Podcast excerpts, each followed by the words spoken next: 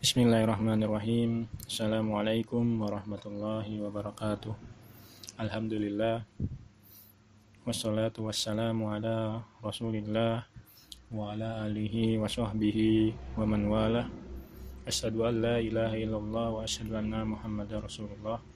Allahumma salli ala Muhammad wa ala ali Muhammad. Ya ayyuhalladzina amanu taqullaha haqqa tuqatih wa la tamutunna illa wa antum muslimun amma ba'd. Segala puji bagi Allah atas segala limpahan rezeki yang telah Allah berikan kepada kita sehingga pada kesempatan siang hari ini kita dapat dipertemukan lagi dalam rangka untuk talabul ilm meskipun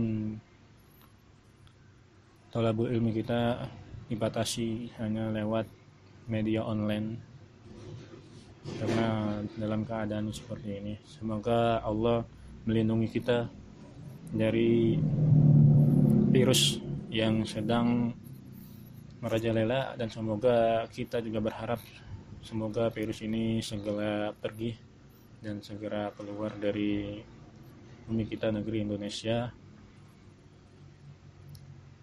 Amin amin. Amin Salawat serta salam. Kita juga tak lupa juga kita aturkan kepada usaha kita baginda Nabi Muhammad Shallallahu Alaihi Wasallam beserta para keluarganya, sahabatnya, tabiin, wa tabiut tabiin. Dan semoga kita termasuk umat beliau yang selalu setia, selalu setia untuk menjaga dan menjalaninya. Bahkan membela sunnah-sunnah beliau hingga hari kiamat. Selanjutnya saya berwasiat terutama untuk diri saya pribadi dan kepada seluruh anggota yang ada di grup ini. Marilah kita tingkatkan keimanan dan ketakwaan kita kepada Allah Subhanahu wa taala dengan sebenar-benarnya takwa. Yaitu dengan segala dan itu dengan cara menjalankan segala perintahnya.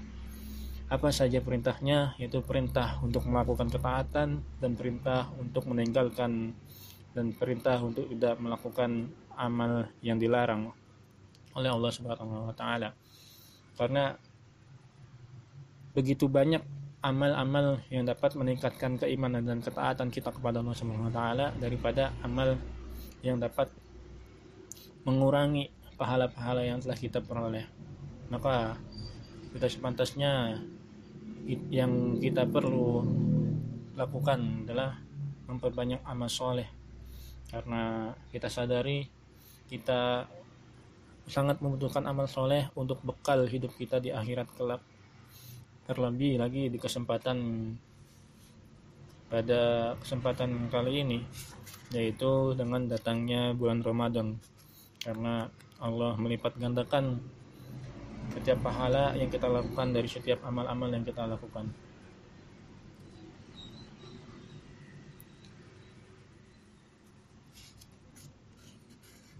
Ya, pada kesempatan pada hari ini saya akan uh, memberikan materi tentang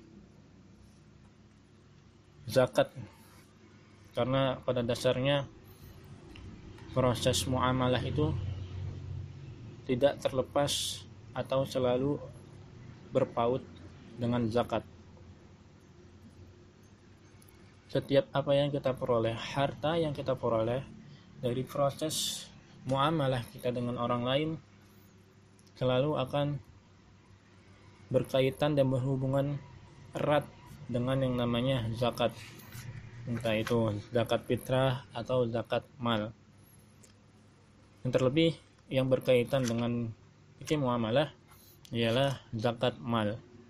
Maka pada pada hari ini dan kesempatan pada di bulan yang suci ini saya menginisiatifkan diri saya untuk memberikan materi tentang zakat karena berada pada waktu dan momen yang tepat karena biasanya kebiasaan di Indonesia itu orang mengeluarkan zakatnya itu zakat mal itu pada waktu bulan suci Ramadan dan juga kita juga akan mengeluarkan zakat fitrah untuk diri kita sendiri.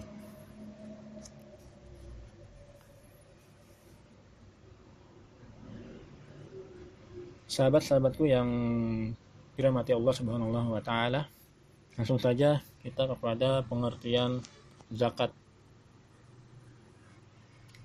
Zakat jika ditinjau dari segi bahasa kata zakat mempunyai beberapa arti yaitu al-barakatuh yang artinya adalah keberkahan al-nama yang artinya adalah pertumbuhan dan perkembangan dan at-taharatu yang artinya kesucian Di dalam Al-Quran ada banyak bertabur kata yang, yang yang punya akar sama dengan zakat.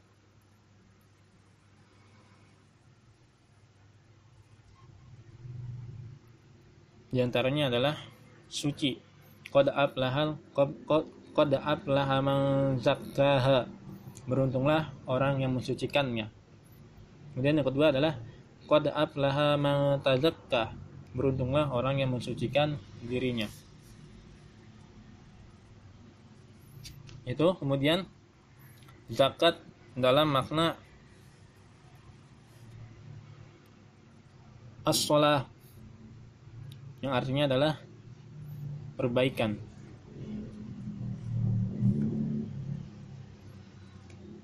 jadi tadi ada beberapa pengertian zakat secara bahasa Kemudian apa pengertian zakat secara istilah? Dari mazhab-mazhab ulama yang empat, kita menemukan definisi, definisi zakat dalam kitab-kitab muktamad mereka dengan definisi dan batasan yang berbeda-beda. Dalam mazhab Al-Hanafi Zakat diartikan adalah pemilikan bagian harta tertentu dari harta tertentu kepada orang tertentu yang telah ditetapkan pembuat syariat yaitu Allah dengan mengharapkan keriduannya. Jadi di dalam mazhab Hanafi adalah pemilikan bagian harta tertentu dari harta tertentu. Jadi harta bagian harta tertentu dari harta orang tersebut kemudian diberikan kepada orang tertentu yang telah disyariatkan oleh Allah Subhanahu wa taala. Kemudian orang yang memberikan zakat tersebut mengharapkan keriduan Allah Subhanahu wa taala.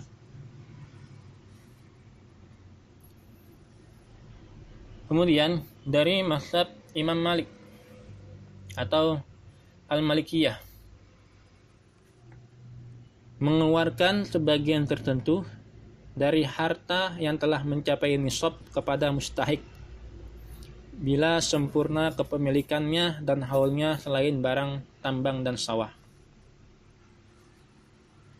Jadi, mengeluarkan sebagian tertentu dari harta yang telah mencapai nisab.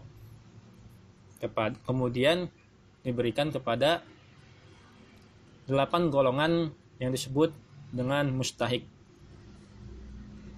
dan sempurna kepemilikannya dan haulnya telah tercapai. Kemudian menurut mazhab As-Syafi'iyah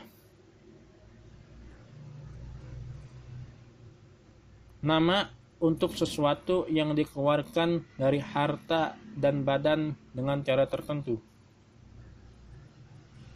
Ini adalah sesuatu yang dikeluarkan dari harta dan badan dengan cara tertentu dengan cara tertentunya yang kemungkinan cara yang telah ditentukan oleh syariat kemudian dari mazhab al-hanabilah itu hak yang wajib dikeluarkan dari harta tertentu untuk diberikan kepada kelompok tertentu pada waktu tertentu.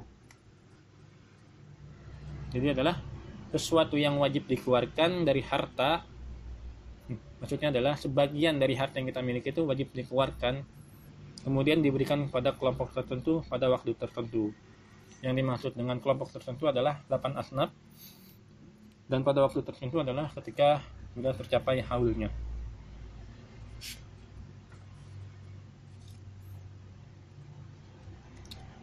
Meskipun para ulama menjelaskannya dengan sesuatu yang berbeda atau dengan pengertian yang berbeda-beda antara satu dan lainnya akan tetapi pada prinsipnya sama yaitu bahwa zakat itu adalah bagian dari harta yang kita miliki dengan persyaratan tertentu yang Allah mewajibkan kepada pemiliknya untuk diserahkan kepada yang berhak menerimanya dengan persyaratan tertentu. Jadi adalah bagian harta yang kita miliki yang sudah mencapai syarat bagian dari harta yang kita miliki kemudian Allah itu mewajibkan kita untuk memberikannya kepada orang yang berhak menerimanya atau yang disebut dengan mustahik. Dan persyaratan tertentu juga persyaratannya adalah mencapai nisab dan haul jadi hubungan antara pengertian zakat menurut bahasa dan pengertian menurut istilah sangat nyata dan erat sekali yaitu bahwa harta yang dikeluarkan zakatnya akan menjadi berkah, tumbuh, berkembang dan bertambah, suci dan beres. Hal ini sebagaimana dinyatakan dalam surat At-Taubah ayat 103 dan Ar-Rum ayat 39. Amwalihim sadaqatan tutahhiruhum wa tuzakkihim biha wa salli alaihim. Inna salataka sakanul lahum wallahu sami'un alim. Kemudian wa ma ataitum mir riba liyarbu fi amwalin nasi fala yarbu indallah wa ma ataitum min zakatin min zakatin turidu nawajhallahi fa ulaika humul mud'ifun Ambillah zakat dari sebagian harta mereka dengan zakat itu kamu membersihkan dan mensucikan mereka dan mendoalah untuk mereka. Sesungguhnya doa kamu itu menjadi ketentraman jiwa buat mereka dan Allah maha mendengar lagi maha mengetahui. Kemudian dan sesuatu riba atau tambahan yang kamu berikan agar dia bertambah pada harta manusia maka riba itu tidak menambah pula pada sisi Allah. Dan yang kamu berikan berupa zakat yang kamu maksudkan untuk mencapai keridhaannya maka yang membuat demikian itulah orang-orang yang melipat gandakan hartanya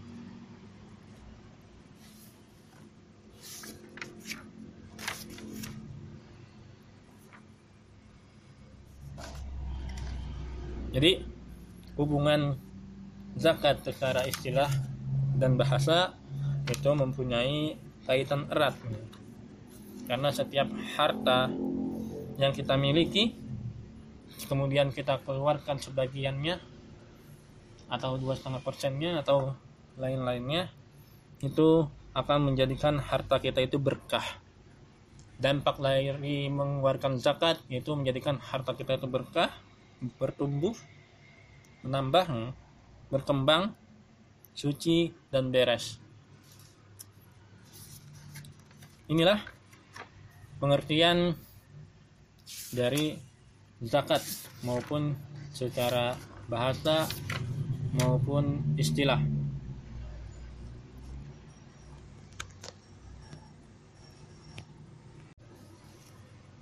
Ya, setelah tadi kita mengetahui istilah atau pengertian zakat dari segi bahasa maupun istilah, maka selanjutnya adalah apa dalil-dalil disebabkannya zakat. Di sini kita akan membahas tiga alasan ya dari dari sumbernya ya dari Al-Qur'an, hadis dan ijma. Di dalam Al-Quran Karim bertabur banyak ayat yang mensyariatkan zakat. Di dalam Al-Quran disebutkan 30 kali. Di 30 tempat itu 8 ayatnya turun di masa fase Mekah dan sisanya yang 22 turun di masa periode Madinah atau hijrah. Contohnya adalah di antara sekian banyak ayat Al-Quran tentang kewajiban zakat wa aqimus sholata wa atuz zakat kerjakanlah sholat dan tunaikanlah zakat. Kemudian zakat juga terkadang digunakan dengan istilah as-sadaqah yang di dalam Al-Quran disebutkan sebanyak 12 kali. Dan semuanya turun pada masa periode Madinah. Yaitu dalam surat At-Taubah. Yang artinya ambil zakat dari sebagian harta mereka. Dengan zakat itu kamu membersihkan dan mensucikan mereka. Dan mendoalah untuk mereka. Sesungguhnya doa kamu itu ketentraman jiwa bagi mereka. Dan Allah maha mendengar lagi maha mengetahui. Kemudian dari hadis Nabi Shallallahu Alaihi Wasallam yaitu dalam riwayat Imam Bukhari dan Muslim. Islam ditegakkan di atas lima pijakan. Salah satunya adalah menunaikan zakat. Ketika sahabat Mu'ad bin Jabal dan Abu Musa al-Ash'ari radhiyallahu anhuma diutus oleh Rasulullah Shallallahu alaihi wasallam ke negeri Yaman untuk menyebarkan dakwah Islam. Lalu Nabi Muhammad Shallallahu alaihi wasallam menegaskan langkah-langkah taktik yang perlu dilakukan. Intinya, setelah diajarkan tentang konsep kalimat tauhid, kalimat la ilaha illallah dan sholat lima waktu, maka yang berikutnya yang harus disampaikan adalah kewajiban untuk menunaikan ibadah zakat. Intinya, zakat itu diambil dari orang-orang kaya dan kembali dan diberikan kepada orang-orang yang miskin. Kemudian dari ijma, seluruh umat Islam sepanjang 14 abad sepakat mewajibkan zakat bagi pemeluk agama Islam, yaitu bagi mereka yang memenuhi syarat dan hartanya termasuk memenuhi ketentuan. Dan seluruh sahabat sepakat untuk memerangi orang yang menolak membayar zakat, sebagaimana yang telah terjadi pada fase sahabat Abu Bakar radhiyallahu anhu. Demi Allah, Aku pasti memerangi mereka yang membedakan antara sholat dan zakat. Sebab zakat adalah hak harta. Demi Allah, seandainya mereka menolak membayar seekor kambing muda yang dahulu pernah dibayarkan kepada Rasulullah SAW, pastilah aku memerangi. Kemudian Umar berkata, demi Allah, sungguh Allah telah melapangkan dada Abu Bakar radhiyallahu anhu, maka barulah aku tahu bahwa hal itu memang benar. Hadis riwayat Bukhari Muslim Abu Daud, Tarmizi, An-Nasai dan Ahmad. Itu merupakan sebuah dialog antara Abu Bakar dan Umar radhiyallahu anhuma mengenai bahwa zakat itu merupakan sesuatu yang penting dan jika ada yang jika ada yang menolak maka mereka berdua tak segan-segan mereka berdua radhiyallahu anhuma sahabat Abu Bakar As-Siddiq dan Umar bin Khattab tidak segan-segan untuk memerangi mereka yang menolak zakat. Bismillahirrahmanirrahim. Ya, selanjutnya adalah setelah tadi kita mengetahui apa itu pengertian zakat maupun dari segi bahasa atau istilah. Kemudian setelah itu kita membahas apa dalil-dalil yang disyariatkannya zakat bagi kita yaitu terutama terutama itu yaitu pada orang-orang kaya maka tahapan selanjutnya adalah pasti ada hikmahnya yang terkandung ya di dalam suatu perkara yang Allah wajibkan kepada hambanya.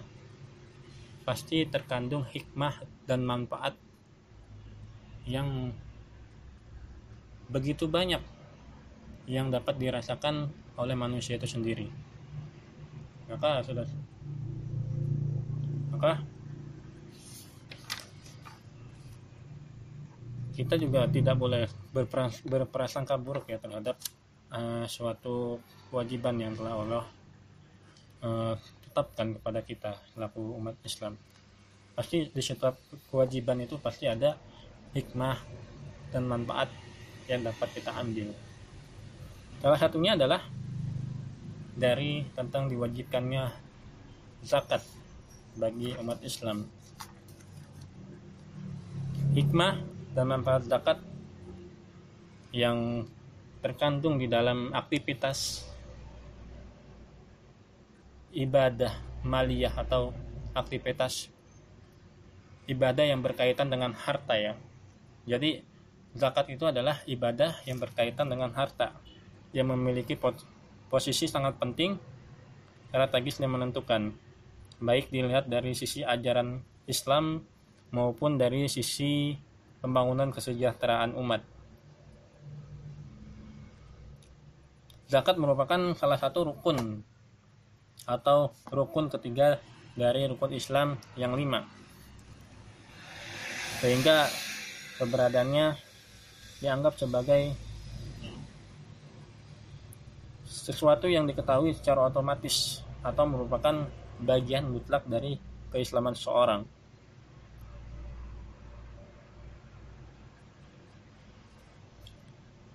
Selain disebutkannya tentang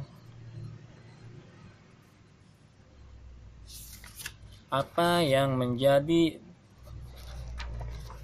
dalil-dalil diwajibkan zakat di dalam Al-Quran juga terdapat pula berbagai ayat yang memuji orang-orang yang secara sungguh-sungguh untuk menunaikannya dan sebaliknya memberikan ancaman kepada orang-orang yang sengaja meninggalkan. Karena itu, Khalifah Abu Bakar As-Siddiq bertekad memerangi orang yang salat, orang yang sholat tapi tidak mau membayar atau mengeluarkan zakat. Kemudian, banyak hikmah dan manfaat yang besar dan mulia dalam ibadah zakat, baik yang berkaitan dengan orang yang berzakat ini hikmahnya dan manfaatnya itu juga dapat dirasakan juga kepada orang yang berzakat kemudian hikmahnya juga dapat dirasakan oleh orang yang yang menerimanya ada yang disebut dengan mustahik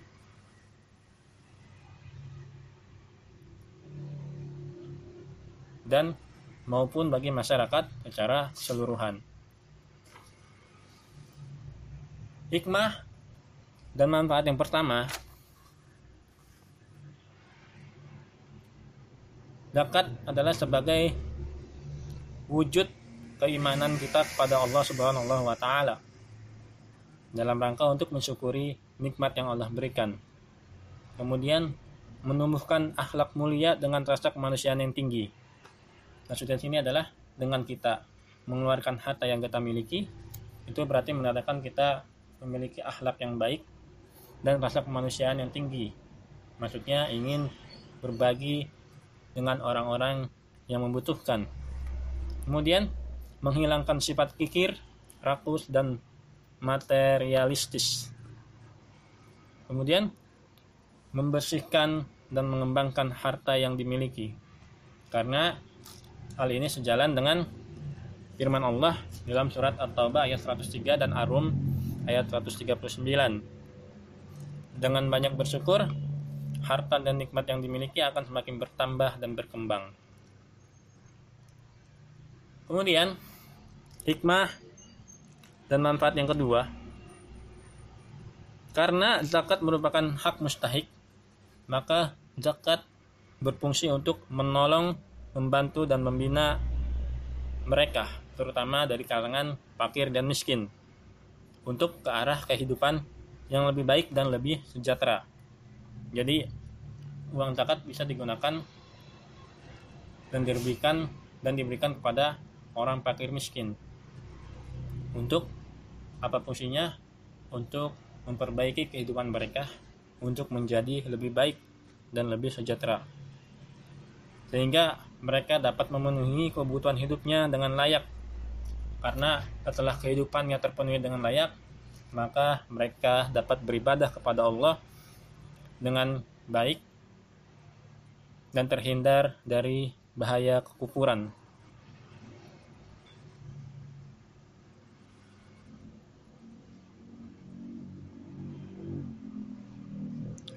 Zakat pada dasarnya bukanlah sekedar untuk memenuhi kebutuhan para mustahik yang bersifat konsumtif atau yang bersifat diberikan dalam waktu sesaat. Akan tetapi yang betul adalah zakat itu memberikan kecukupan dan kesejahteraan kepada mereka dengan cara dengan maksud untuk menghilangkan atau memperkecil apa yang menyebabkan kehidupan mereka menjadi miskin dan menderita. Kemudian, manfaat dan hikmah yang ketiga, zakat sebagai pilar amal bersama atau amal jama'i antara orang-orang kaya yang berkecupan orang-orang yang kaya yang mempunyai harta yang banyak atau disebut dengan orang yang hidupnya cukup dan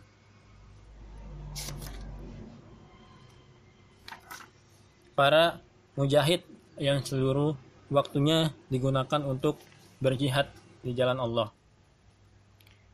Yang karena kesibukannya tersebut, ia tidak memiliki waktu dan kesempatan untuk berusaha dan berikhtiar bagi kepentingan nah nafkah diri dan keluarganya.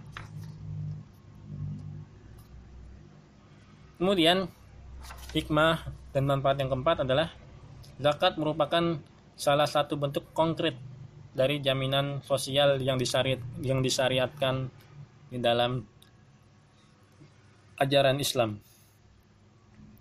Karena melalui syariat zakat kehidupan orang-orang fakir miskin dan orang-orang militer lainnya akan diperhatikan dengan baik. Kemudian hikmah dan manfaat yang kelima sebagai salah satu sumber dana bagi pembangunan sarana maupun sarana yang harus dimiliki umat Islam seperti sarana ibadah, pendidikan, kesehatan, sosial maupun ekonomi, sekaligus sarana pengembangan kualitas sumber daya muslim. Karena hampir semua ulama sepakat bahwa orang yang menuntut ilmu berhak menerima zakat atas golongan fakir, fakir miskin atau maupun pisabilillah. Kemudian hikmah dan manfaat yang keenam untuk memasyarakatkan etika bisnis yang benar. Sebab zakat itu bukanlah membersihkan harta yang kotor, tetapi mengeluarkan dari hak orang lain dari harta kita yang kita usahakan dengan baik dan benar. Jadi harta yang dikeluarkan zakatnya itu adalah harta yang bersih dan halal, bukan harta yang kotor. Harta yang kotor itu disebabkan dari cara mendapatkan harta dengan cara-cara yang dilarang oleh Allah Subhanahu wa taala yang kemudian harta tersebut menjadi haram. Harta haram tidak boleh dikeluarkan zakatnya karena Allah itu hanya menerima yang baik-baik. Jadi harta yang dizakatkan itu adalah harta yang halal, bukan harta yang haram. Kemudian hikmah dan manfaat yang ketujuh dari sisi pembangunan kesejahteraan umat zakat merupakan salah satu instrumen pemerataan pendapatan. Dengan zakat yang dikelola dengan baik, kemungkinan akan membangun pertumbuhan ekonomi sekaligus pemerataan pendapatan.